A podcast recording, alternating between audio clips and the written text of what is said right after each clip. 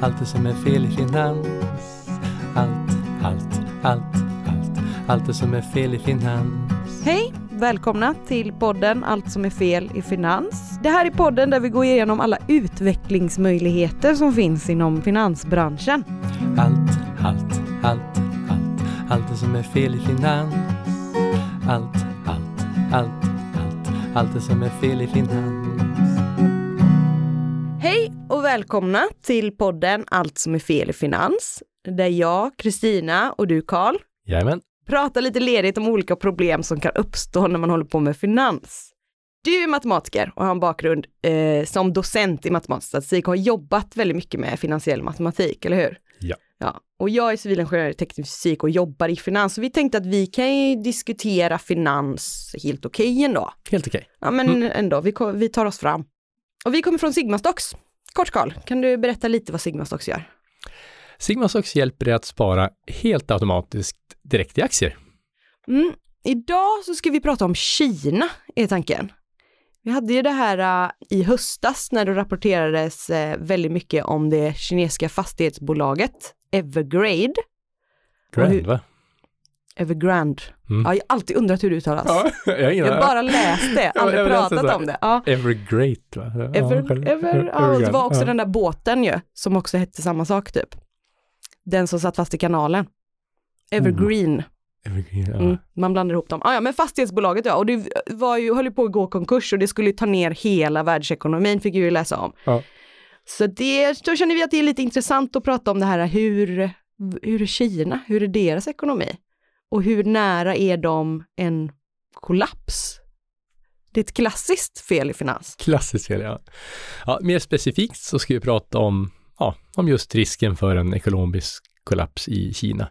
För det är helt enkelt mycket roligare att prata om det än att prata om risken för en ekonomisk kollaps i Sverige. Mm. Eller i alla fall annorlunda. Roligare för oss. Mm, det är för oss, ja. Mm.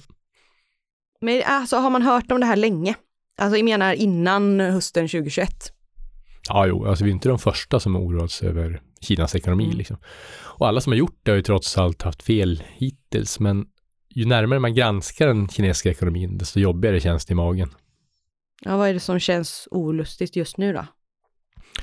Alltså i korthet så har landet tryckt upp sin tillväxt och möjligen dolt sina underliggande obalanser genom att skapa en enorm bostadsbubbla. Och det är rätt svårt att se hur det ska kunna sluta väl. Mm, bostadsbubblor ja. De har vi hört om innan. Ja. Inte bra. det är inte bra. Men, men, men alltså Kina har väl ändå varit ekonomiskt framgångsrikt eh, länge, tycker jag. Då. Ja, alltså absolut. Deng Xiaopings reformer på 70-talet, de skapade ju inget mindre än ett ekonomiskt underverk. Och det har tagit Kina från att vara förlamande fattiga till att bli ett medelinkomstland som i och med sin storlek blir både en ekonomisk och politisk supermakt. Men samtidigt avtar tillväxten och från över 10 procent för 10-15 år sedan till att nu har fallit till under 4 procent utan tecken på att plana ut. Men, och det här är oroande då. Alltså en tillväxt på 4% låter ju ganska bra med västerländska mått mätt. Ja, det är rätt oroande om tillväxten inte slutar falla.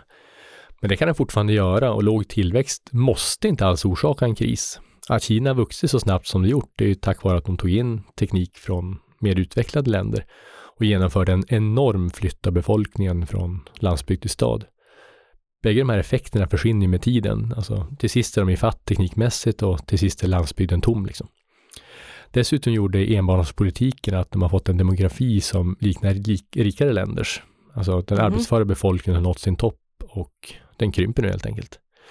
Allt detta gör att man absolut kan förvänta sig lägre tillväxt från Kina framöver. Ja, okej. Men lägre tillväxt måste inte nödvändigtvis orsaka kriser då? Men, Nej. Nej, Mm. men precis. Samtidigt finns det saker som kan ändra på för att gynna sin tillväxt. Bland annat borde kineserna spara mindre och konsumera mer. Oj, rekommenderar du alltså att folk ska spara mindre? Ja. Hur kommer det sig att de sparar så himla mycket i Kina då? Alltså en förklaring är ju kombinationen av att alla ensambarn kommer ha svårt att försörja sina föräldrar. Alltså helt enkelt samma demografiproblem som gjort att tillväxten stannat av. Samt att kinesiska staten inte har ett lysande pensionssystem. Därför sparar Mm. folk själva till sin ålderdom som en säkerhetsåtgärd helt enkelt. Mm. Kinesiska myndigheter känner klart till det här men de inte lyckats komma åt det. Okej, men ehm, tillbaka till fastighetsbubblan då, vad kan, vi, vad kan vi säga om den? Alltså, först och främst består den av två delar. Det är fastighetsbyggandet och bostadspriserna. Vad gäller den första delen så har Kina fortsatt att investera kraftigt i att bygga fastigheter trots att tillväxten håller på att stanna av. Skalan på fastighetsbyggandet är liksom bara riktigt skrämmande. Jag såg en forskningsrapport nyligen som räknat fram att ett 20% fall i byggandet, vilket såklart måste komma till sist där det byggs så oerhört mycket. Liksom. Mhm. Det kommer leda till ett mellan 5 och 10 procentigt fall i BNP, även om man struntar i eventuella bankkriser som det skulle kunna leda till.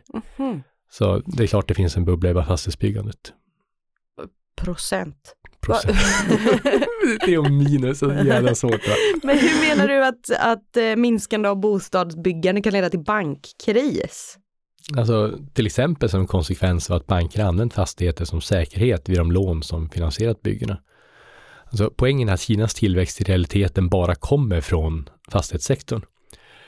Det här känns helt enkelt lite jobbigt och när då dessutom Evergrande har stora problem, alltså Evergrande, som vi sa, det här Mm. jättelika kinesiska fastighetsbolaget som är konkursmässigt, då undrar klart många om det vi ser i början på något större. Mm. Den andra delen då? Så, ja, den är inte roligare den liksom. Det är att bostadspriserna är på många håll i Kina fullständigt galna.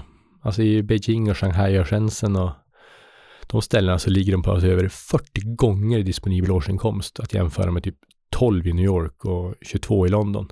Och även de städerna är knappast kända för att vara billiga att bo i.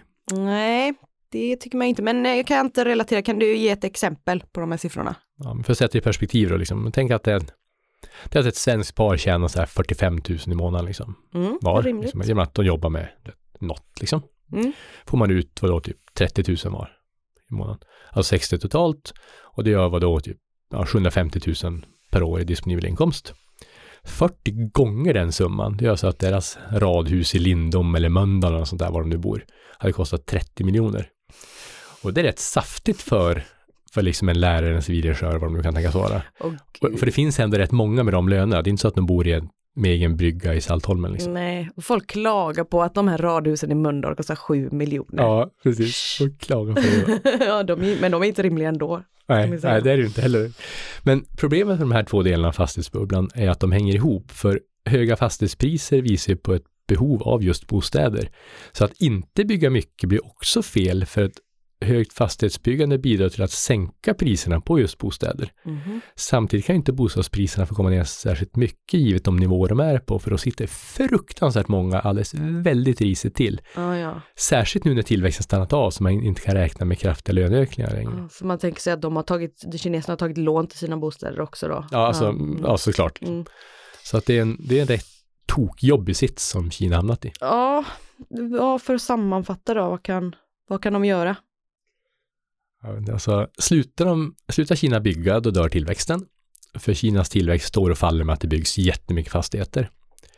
Men trots att det byggs jättemycket fastigheter så mår fastighetsbolagen antagligen dåligt ekonomiskt, givet vad vi vet om, om Evergrande.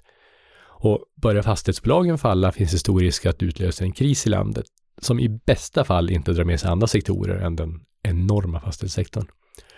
Och fortsätter de bygga tills efterfrågan är mättad så kommer bostadspriserna ner till sist, för de är på förlamande höga nivåer idag. Ja, ja, det känns ju som att det borde finnas ett behov om det kostar Ja, 20 ja, miljoner liksom. Ja. Men detta blir i sin tur helt automatiskt en privatekonomisk katastrof för stora delar av Kinas medelklass.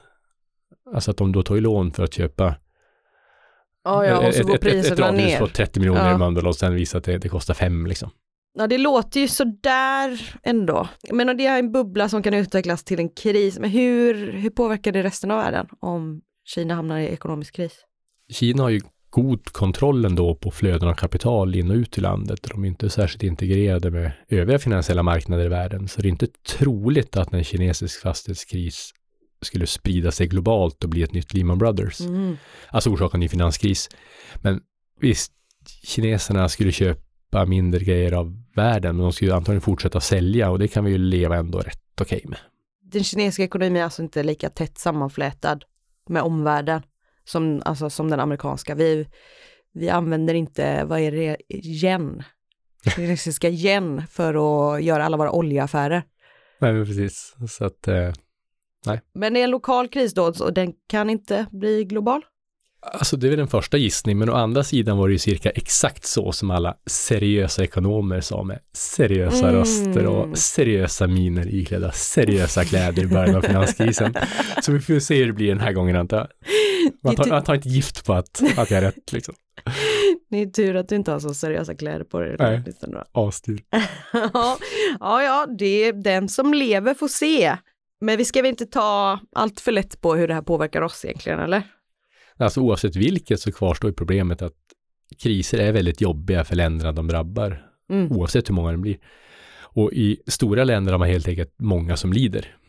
Dessutom har ju kriser historiskt sett ibland lett till geopolitiska spänningar, vilket väl Mm. precis ingen blir gladare av. Nej. Så det finns väl ändå anledning till både viss oro och vaksamhet. Ja. Så för att sammanfatta, vad är det som är felet i finans här? Vad kan vi lära oss? Ja. Skapa inte enorma fastighetsbubblor för att hålla uppe din tillväxt kanske? Något sånt. Det är det igen. är återkommande tema för den här podden. Bostadsbubblor är dåliga. Ja, det är inte bra.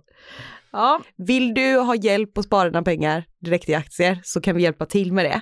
Då Mm. kommer du in, går du in på sigmastocks.com. Tack så mycket! Kanon, tack. Allt, allt, allt, allt, allt det som är fel i finans. Allt, allt, allt, allt, det som är fel i finans. Följ Sigmastocks på Instagram, at Sigmastocks och lämna förslag på vad jag och Carl kan prata om i kommande avsnitt. Allt, allt, allt, allt, allt det som är fel i finans. Allt, allt, allt, allt, allt det som är fel i finans. En poddproduktion av Fredag.